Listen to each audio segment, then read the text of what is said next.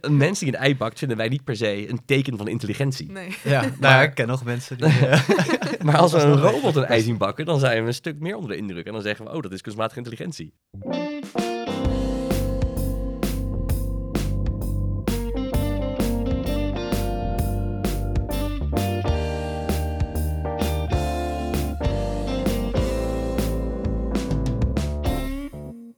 Welkom bij de podcast Wetenschap op je gemak. Een podcast van de faculteit Wiskunde en Natuurwetenschappen van de Universiteit Leiden. Samen met een onderzoeker geven we een gemakkelijk antwoord op jouw prangende wetenschapsvragen. Mijn naam is Inge van Dijk. En ik ben Jordi Jansen.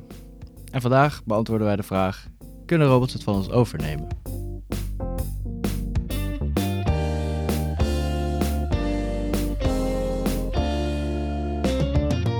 Bij ons aan tafel zit eh, Roy de Klein, universiteitsdocent bij de Universiteit Leiden. En hij combineert de vakgebieden kunstmatige intelligentie en psychologie. Eh, verder is hij gespecialiseerd in evolutionaire robotica. Welkom, eh, Roy. Dank je. Ehm, ja, wat vind je dan zo leuk aan robots? Eh, het leuke aan robots is dat je ze kunt zien als een model van de mens. Of een model van dieren. hè, Mhm. hele simpele robots als een model van, van een dier. Ehm, robots lopen tegen problemen aan waar mensen tegenaan lopen. Ehm, hè, een, een ruizige omgeving, dynamische omgeving, dingen, omgevingen die veranderen. Dat maakt het wel iets anders dan informatica, waar je vaak te maken hebt met statische omgevingen. Ehm, ze kunnen de wereld manipuleren, dat is natuurlijk interessant. Mhm. De dingen die ze doen, die zie je ook echt. Nou, dat, dat maakt robots wel interessant, denk ik. Wat bedoel je met de wereld manipuleren? Nou ja, het, het idee van een robot. Kijk, wat- wat, maakt een robot anders dan een computer? Is dat een robot kan bewegen en dingen kan oppakken. En dingen kan verschuiven, zelf kan bewegen. Mhm. Dat vind ik wel leuker dan een computer die gewoon ergens staat. Ja. Ja. wat versta je dan precies onder robots? Exact dat. Een computer, een computer die de wereld kan manipuleren. Die dus infor- informatie kan opnemen uit de omgeving door middel van sensoren. ehm, en effectoren heeft, waarmee die dus zichzelf kan manipuleren en de wereld kan manipuleren. Ja, dus een, die interactie met de buitenwereld moet er wel echt bij zitten. Absoluut, ja, ja, ja. Eh, eh, een, gewoon een, een artificiële intelligentie op de computer alleen, dat zou niet genoeg zijn voor... Nee, dat zouden de meeste mensen geen robot noemen. Nee. Oké. Dus, eh, want ik, ik krijg bij een robot altijd het idee van een mens eh, die rechts, ja, van een, een ja, mechanische mens dan die rechts staat. Maar een robot. Een humanoïde robot, denk je Ja. dan aan. Ja. Robots zijn natuurlijk veel meer dan dat. Wat, wat zijn, waar zijn, zien we nog allemaal robots in ons dagelijks leven? Nou, Het ligt een beetje aan hoe, nauw je die defi- hoe strikt je die definitie eh, hanteert. Maar denk aan zelfrijdende auto's, drones. Allemaal voorbeelden van robots die niet direct als robots worden gezien. En dan kun je afvragen, is een vliegtuig eigenlijk een robot? En zo'n een vliegtuig, een, een passagiersvliegtuig vliegt het grootste deel van de tijd op een automatische piloot. Is dat dan een robot? Nou ja, in, in zekere zin wel, natuurlijk. Ja. Ja, en ik denk dat, dat robots de laatste tijd in ons leven ook wel ja, steeds meer erin komen. Dat hoor ik ook wel een beetje om ons heen. Dat, ja, dat is natuurlijk werk dat wordt overgenomen door robots in fabrieken bijvoorbeeld. Eh, ja, robots die andere dingen doen. Dus je zei het al, bijvoorbeeld een, eh, een vliegtuig, dat ze dat ook gewoon deels besturen. Ehm, ja, we gingen even aan, het, eh, aan de studenten hier in de Universiteit Leiden vragen wat ze nu precies vonden van robots. Ja, we hebben even een paar reacties opgenomen daarover. Zal ik een paar laten horen? Ja.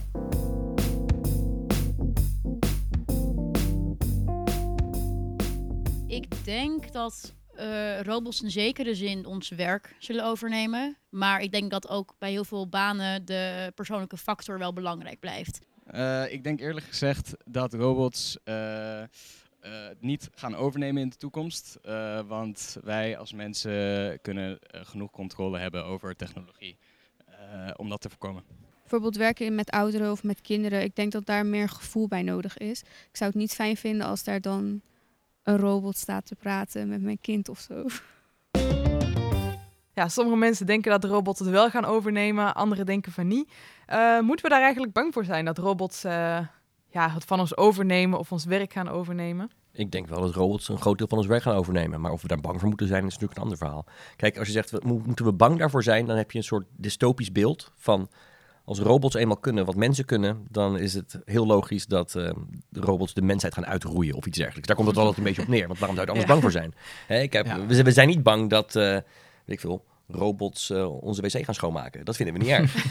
we vinden het pas heel erg als ze nou ja, slechte dingen doen. En werk overnemen van mensen, dat is natuurlijk niet iets slechts. Ik bedoel, daar gebruiken we technologie al heel lang voor. Nu zijn het dan robots, maar stoommachines. Hè? Ik bedoel, het is niet nieuw dat technologie werk overneemt. Eh, waar mensen dan bang voor zijn, nou, dan kun je denken een soort van angst om werkloos te raken. Als robots alle banen overnemen, eh, wat moet ik dan voor werk doen? Maar ja, dat is natuurlijk niet een realistisch beeld. Kijk, als, als, als nu robots al het werk zouden overnemen, dan zou niet de wereld instorten. Dan zouden we gewoon een andere vorm, een andere vorm van economie moeten vinden Ja, om daarmee om te gaan. Het, het, het, het probleem wordt een beetje, denk ik, dat sommige banen eerst worden overgenomen door robots. En dat dat heel, dat heel geleidelijk gaat. En dan heb je natuurlijk wel het probleem dat het niet ineens een, een, een omslag is van oké, nu moeten we iets veranderen. Maar dat het een probleem wordt van sommige mensen raken nu werkloos. En wat gaan zij dan doen?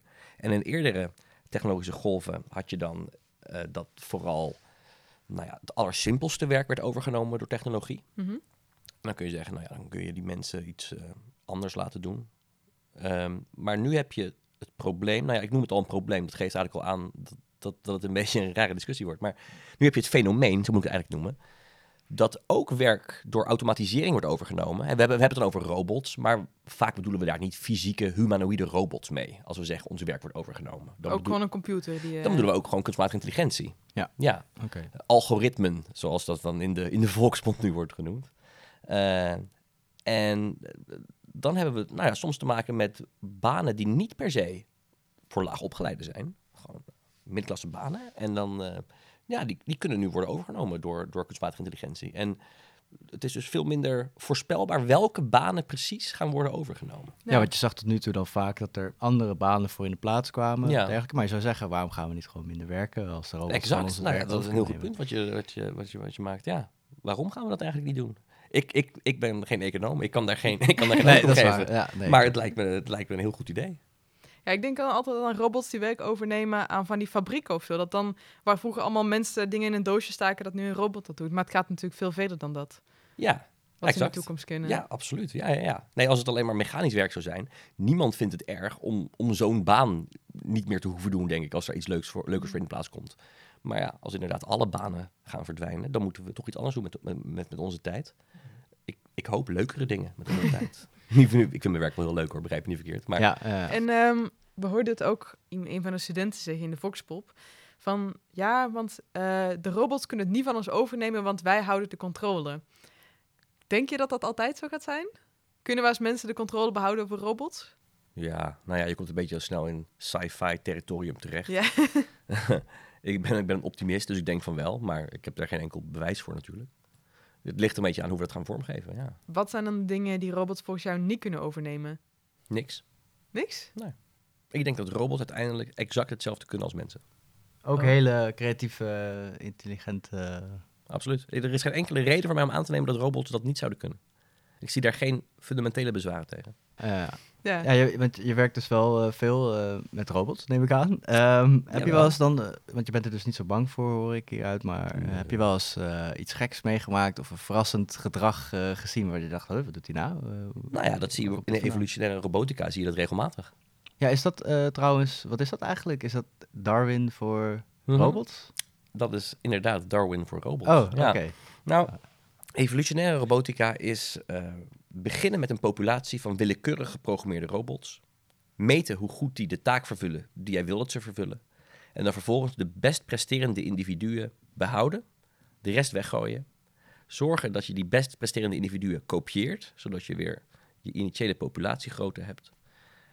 Een beetje muteren, dus een beetje tweaken, willekeurig ook. En het opnieuw doen. Hm. Ja, dat klinkt gewoon precies zoals het bij eh, cellen en organismen gebeurt. Exact. Ja, ja. Oh, cool.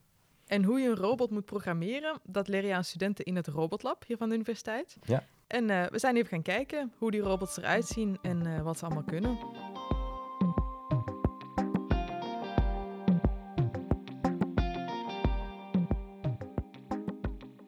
Nou, hier zie je dus een, eh, op de vloer al meteen het eerste wat je binnenkomt, allemaal eh, tape in, een- een soort parcours. Net als vroeger met die, eh, autootjes die je had. Eh, wat gebeurt hier dan precies met de robots? Eh, ja, een van, de, een van de opdrachten bij, de, bij het vak cognitieve robotica is om een, een zogenaamde line-following robot te maken. Dus het is een klein robotje met twee wielen en een aantal sensoren. En die kunnen dus zo'n lijn op de vloer kunnen ze lezen. Nou, eigenlijk kunnen ze alleen licht of donker herkennen. Maar als je er twee hebt, dan kun je jezelf natuurlijk oriënteren ten opzichte van die lijn. Want die lijn is wit op een zwarte, een zwarte ondergrond. Misschien kan je er eentje laten zien. Waar zit die eh, artificial intelligence Ja, in? ik, heb dan? er hier, ik heb hier één. Een M-bot wordt dat genoemd. Ehm, dit is inderdaad een, eh, klein metalen frame met twee wielen eraan, twee motoren. Ja. Ehm, een Arduino microcontroller erop. Dus eh, die, die stuurt de boel aan eigenlijk. Ja, dat zit in een doorzichtig doosje en dan zie je dus de chip gewoon zitten en eh, allemaal kabeltjes die eruit... Klopt. ja, ja lopen. inderdaad. Oh, en aan de voorkant zie je ook een gezichtje. Ja, daar hebben we er een gezichtje van gemaakt inderdaad. Je hebt hier twee ehm, ultrasound sensors om afstand te kunnen bepalen. Oké. Tot eh, nou ja, whatever er voor hem zit. En hier heb je dan eh, lichtsensoren die dus omlaag gericht zijn. Dus die, eh, Ja, ja, die- precies, die ja. nemen licht of donker waar. Ja, dat zit aan de onderkant. Zit het aan de voorkant twee, eh, ja, ja. het lijken ledlampjes, maar dat zijn de sensoren. Dat zijn sensoren inderdaad. Ja, ja, ja. ja. Ehm, er zit inderdaad één van die twee is een ledlampje en die andere die leest het uit. Oh ja. En afhankelijk van of de ondergrond donker of licht is, dan weerkaatst er iets terug. Dus ehm, ja, dat, kun, dat kan je dus gebruiken om te bepalen waar, waar precies op die track je zit. Oké. Nou ja, ik ben wel benieuwd. Nou, oké. Laten we gewoon. Ik zal je voordoen hoe we dat dan doen bij de, bij het, bij de, de competitie aan het einde van de, van de wedstrijd. Dus dan zetten we hem. Nou ja, we zetten hem aan en dan zetten we hem neer. Oh ja, de, de rode groene lampen gaan aan op de bovenkant. Hoor. Eh, het is best een brede witte tape, dus hij leest eigenlijk elke keer als hij bij het zwarte komt, gaat hij weer naar links. En dan, oh, is hij weer bij het zwarte, dan gaat hij weer naar rechts. En, Ja. en nu zit hij vast. Kijk, je ziet, de- deze die, die hapert heel erg vaak. En dat is eigenlijk niet wat je wil. Wat je eigenlijk wil, is dat als je dus merkt dat je aan, het, dat je aan de rand zit, dat je niet een harde bocht maakt, maar dat je langzaam je oriëntatie aanpast. Ja. Dat is vaak een winnende, een winnende strategie. Mhm.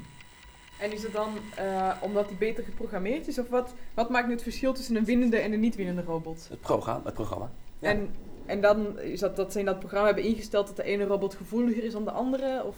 Nou ja, je kan in je programma die robot zo gevoelig maken als je zelf wil. De, de vraag is, wat is de perfecte balans eigenlijk? Het, het lastige van robotica is dat het altijd noisy measurements zijn die je doet. Als je zo'n robotje hebt hè, en je geeft een bepaalde motor output naar die, naar, die, uh, naar die wielen toe, dan is bijvoorbeeld een van de dingen waar je tegenaan loopt. Dus als de batterijen niet helemaal vol zijn, dan heeft jouw commando een andere uitwerking dan als je batterijen wel vol zijn. Uh, en dat is het grote probleem van robotica lange tijd geweest. En nog steeds zou ik, uh, zou ik zeggen dat de echte wereld is heel noisy. Hm. En je moet dus robuuste programma's schrijven om om te leren gaan met dat soort noisy readings, maar ook noisy actions. Uh, maar technieken die je hier gebruikt, die, die gebruik je gewoon in allerlei soorten robots. Zoals welke dan? Nou ja, zoals bijvoorbeeld zelfrijdende auto's. We hebben hier te maken met twee kleine sensoren, waarbij je dus alleen licht of donker kan, uh, kan, kan waarnemen. Ja. Maar als je nou een andere sensor erop zet, die meet de afstand van de track. Dus stel die robot zit hier en je hebt een sensor die kan bepalen hoe ver die van die track af is. Dan zijn er hele slimme controlesystemen die ervoor zorgen dat zo'n robot optimaal weer op die track terechtkomt. Dus uh, dat kleine prototypetje robot dat, uh, dat hier nu over een lijn rijdt, dat is eigenlijk een heel simpele versie van een zelfrijdende auto. Een heel simpele versie.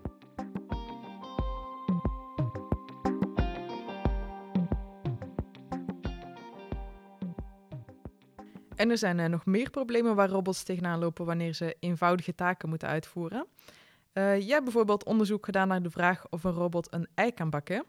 Nou, lijkt best een simpele taak, dus uh, wat is er eigenlijk zo moeilijk aan?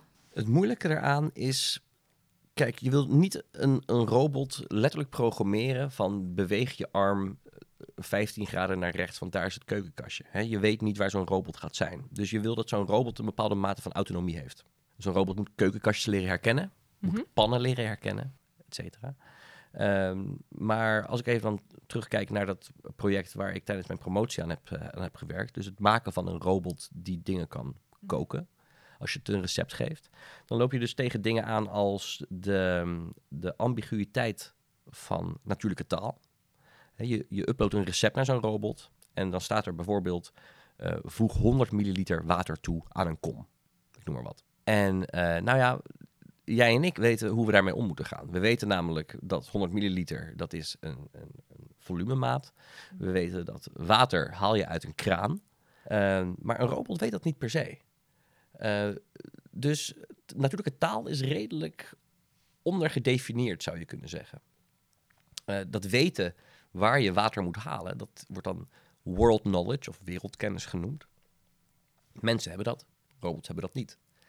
Eh, en in zo'n, in zo'n ehm, recept worden natuurlijk ook niet de motorparameters gespecificeerd. Hè? Pak een kom. Je moet ten eerste weten hoe, je een, hoe, je, hoe een kom eruit ziet. En als je dan een kom ziet in je gezichtsveld als robot, dan moet je ook nog maar zelf bedenken hoe je die motorparameters waar je je hand heen moet bewegen om Hoe die je die kom, vastpakt, hoe je die kom te- moet pakken. Dat staat niet gespecificeerd in je, in je recept natuurlijk. Nee, Ehm, dat zou helemaal mooi zijn. Ja, en, of, en of de kom dan zo moet staan of eh, op zijn kop, zeg maar. Dat, eh, dat, dat staat er in principe ook niet bij dan.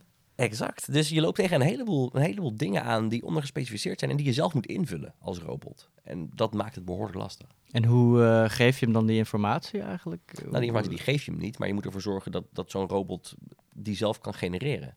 Dus, eh, nou ja, om het maar heel simpel te zeggen, als, je- als je als robot eh, ziet dat een kom rechts in je gezichtsveld staat, dan kun je sowieso bedenken dat je iets met je rechterarm moet gaan doen. Hm. Voor mensen is dat heel triviaal en ik voel me ook heel dom als ik het zo aan jullie uitleg, omdat jullie dat natuurlijk wel begrijpen. maar het geeft wel Ja. aan, robots begrijpen dat niet. Nee, nee. ik- Eh, en dat zijn allemaal dingen waar je ook als, ook als, ehm, ehm, ook als wetenschapper tegenaan loopt. Want het is heel, heel natuurlijk om dat soort informatie voor, voor, voor duidelijk aan te nemen. Ja. Terwijl het absoluut niet zo is. Maar dus als ik nu vraag, eh, kan jij een robot een ei voor mij laten bakken? Dan is dan het antwoord ja of nee? Nee. Nu nog niet. Nou, kijk.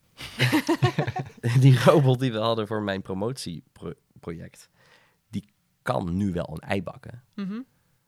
Maar ik zou mijn hand er niet voor in het vuur durven steken dat hij dat altijd goed gaat doen. Oké. Ik denk als we het tien keer proberen, dan gaat hij het wel een keer goed doen. Dus dan is het antwoord op de vraag, ja, een robot kan een ei bakken. Ja. Maar eh, ik zou hem niet in mijn keuken willen hebben. Maar dat is natuurlijk dan een simpel voorbeeld, een eibakker. Maar als je zegt dat op een dag robots alles kunnen overnemen, dan Mhm. zijn we daar nog wel heel ver vandaan, lijkt me. Oh ja, zeker. Ik zeg ook niet dat robots morgen alles kunnen overnemen. maar ik denk dat uiteindelijk robots alle, alles zullen kunnen overnemen, ja.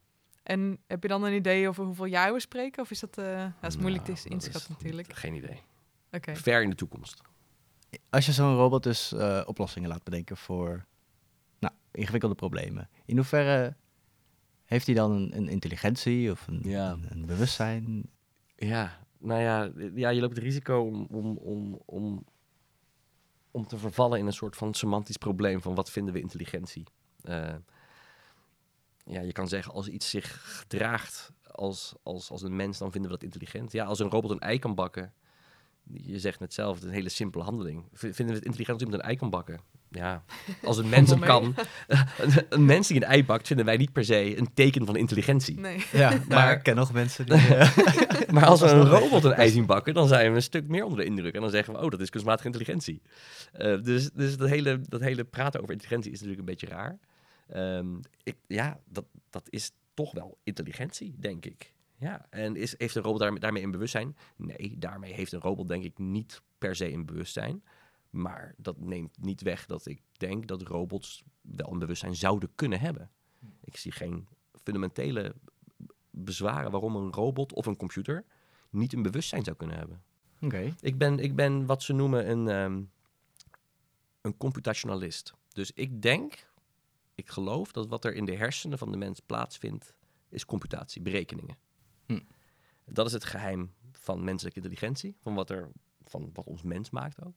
En als je zegt van, nou ja, berekening, computatie, dat is, dat is wat, er, wat er gaande is, dan, dan, dan denk ik dat dat eh, wat ze in de literatuur eh, substrate independence noemen. Dus waar je die berekeningen uitvoert, maakt niet zo gek veel uit. Dat kun je in neuronen uitvoeren, zoals het bij mensen gebeurt. Maar ja, in een computersysteem kun je precies datzelfde uitvoeren. Als je mij, eh, als je mij vraagt wat is 20 plus 30, dan kan ik die berekening uitvoeren met mijn neuronen.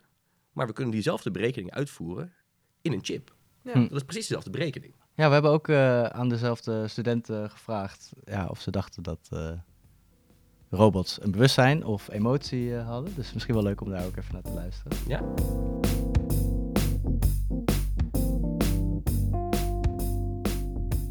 Eh, ik denk dat robots wel een bewustzijn kunnen hebben. Want daar zitten ze, zitten ze natuurlijk heel hard aan te werken met eh, artificial intelligence, eh, machine learning. Eh, in zekere zin denk ik dat robots eh, wel een bewustzijn hebben dat ze aanwezig zijn. Want ze hebben een soort hart als soort van cel, hoe heet dat? Zo'n zo'n, chip, zeg maar. Maar ik denk dat het niet eh, als in de mens wordt, dat ze helemaal bewust zijn van emoties en dingen en op die manier. Eigenlijk eh, vind ik van niet, want een robot kan nooit gewoon alles uitvoeren wat een mens kan, zeg maar. Want eh, als mens hebben we gewoon emoties en zo. Dat hoort ook gewoon bij. Robot kan nooit emotie hebben. Eh, je zei al, jij bent dan een computationalist en je hebt dus waarschijnlijk ook verschillende kampen binnen de robotica daarin. Ik hoor al een paar andere meningen ook, eh, nou, van studenten dan die zeiden van, nee, ik denk het niet. Hebben, we zijn zo anders als mens. Nou ja, dat is, dus, dat is dus inderdaad vaak wat je hoort. Of mensen zijn de, de, hangen de computationele kant aan en die zeggen van, nou ja, ik zou niet weten waarom een robot het niet zou kunnen. Of ze kwalificeren het nog een beetje van, ja, ze, ze hebben wel bewustzijn, maar het is wel iets anders dan het bij mensen. En, en andere, die, eh, andere mensen die zijn heel stellig in, eh, nou ja, eigenlijk komt het argument vaak neer op nee, want mensen hebben altijd iets speciaals. Die kunnen nog net iets meer, om de een of andere reden. Dat wordt vaak ook niet heel erg uitgelegd wat het dan precies is, wat mensen zo speciaal maakt. Maar dat is wel vaak de tendens die je, die je ziet. Wij zijn bijzonder. We- ja, Ja, we ja. zijn heel bijzonder. De mens is bijzonder, want... En dan puntje, puntje, puntje. En dan, nou ja, ik denk dan vaak van... Nou ja, zo bijzonder is dat niet. Ik zie geen reden waarom dat zo puur menselijk zou moeten zijn. Maar dat is wel vaak ehm, ja, de, de respons die je krijgt als je daar naar vraagt. Ja, en emotie, dat krijg je ook heel vaak terug. Dat, kregen, dat hoorden we ook in, eh, in die Foxpop hier. Dat mensen Mhm. zeggen van wij hebben emotie en een robot heeft dat niet. Ja. Hoe kijk jij daarnaar? Nou, daar, daar kijk ik niet anders naar dan naar bijvoorbeeld bewustzijn. Het zijn allemaal wat ze dan qualia noemen, subjectieve ervaringen. Hoe voelt het Mhm. om bewust, bewust te zijn? Hè, dat is hetzelfde als hoe voelt het om een emotie te ervaren. En da- daar geldt precies mijnzelfde argument. Als een mens het kan, zi- zie ik geen reden om aan te nemen dat een computer het niet zou kunnen. Als, als je ervan uitgaat dat het allemaal plaatsvindt in de hersenen. En we weten wat er plaatsvindt in de hersenen. Ja, we weten het natuurlijk niet precies. Hè, we weten eigenlijk heel weinig van de hersenen. Maar we weten wel aardig wat neuronen doen. De, de, de bouwstenen van de hersenen. Nou ja, als je dat in een chip stopt, waarom niet? Wat, waarom zou, waarom zou zo'n systeem dan niet emotie kunnen ervaren? Ik vind het heel bijna arrogant om te denken: wij zijn mensen en dus heel speciaal. En wij kunnen emotie ervaren. Ja. Ik, zonder een heel goed argument erbij te geven, behalve wij zijn speciaal. Als jij dan, eh, nou, nu, eh, nog best wel wat jaren daaraan verder werkt en het veld waarin je werkt. En we hebben dus een, een robot eigenlijk die precies de- hetzelfde eruit ziet als een mens. En eh, nou, blijkbaar misschien ook wel een bewustzijn en emoties heeft. En dan zou, zou je dus een robot kunnen hebben waarvan je niet doorhebt dat het een robot is. Ja, dat, dat kan inderdaad, denk ik. Ja. Dat Ja. vind ik wel spannend. Ja, Dat, eh, en dat, of zelfs misschien dat hij nog sterker is of nog veel meer kan dan, dan wij. Absoluut. Ja, kijk, ik bedoel, Ja. waarom zouden we stoppen met, eh, met robots maken als ze precies hetzelfde kunnen als mensen? Als we een robot kunnen maken die hetzelfde kan als mensen, dan kunnen we ook robots maken die beter Ja. dingen zijn dan kunnen dan mensen. mensen. Ja. Ja, dat, dat voelt toch eh, alsof, alsof je dan daar wel bang voor zou moeten zijn. Maar nou ja, eh, Nou, als ik jou hoor zeggen dat het niet hoeft, dan... Het is denk ik een beetje menselijke natuur om te denken dat als iets intelligent wordt, dat, eh, dat het dan ook kwaadaardig wordt of zo. Ja, En, eh, dat is- ja of dat, dat we overbodig worden misschien. Ja. ja, misschien is dat het dat we ons nuttig willen voelen of zo. Nou, dat we het gevoel hebben dat we inderdaad eh, meer kunnen dan iets wat we programmeren. Meer voelen misschien. Ja, maar kijk, er zijn natuurlijk ook wel vormen van, art- van kunstmatige intelligentie nu die specifieke dingen beter kunnen dan mensen. Hè? Objectherkenning kunnen computers beter dan mensen. Schaken kunnen computers beter dan mensen. Mhm. Ik geloof niet dat iemand zich daar heel erg druk om maakt.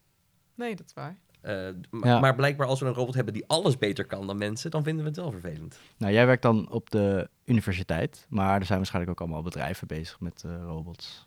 Oh, zeker. En, die hebben veel meer geld. eh, ja, veel meer geld en tegenwoordig ook veel meer macht. Eh, ben je daar niet bang voor dat er misschien bedrijven eh, verkeerde dingen mee gaan doen, omdat zij veel minder gecontroleerd worden? Of... Ja, ik snap wel wat je bedoelt. Ja, ik, ik, ik denk dat ik de- wat dat betreft wel een beetje pessimistisch ben. Ik heb zoiets van, oké, we, kunnen, we kunnen wel het braafste jongetje van de klas gaan lopen uithangen hier in Europa. Dat doen we eigenlijk al hè, op AI-gebied.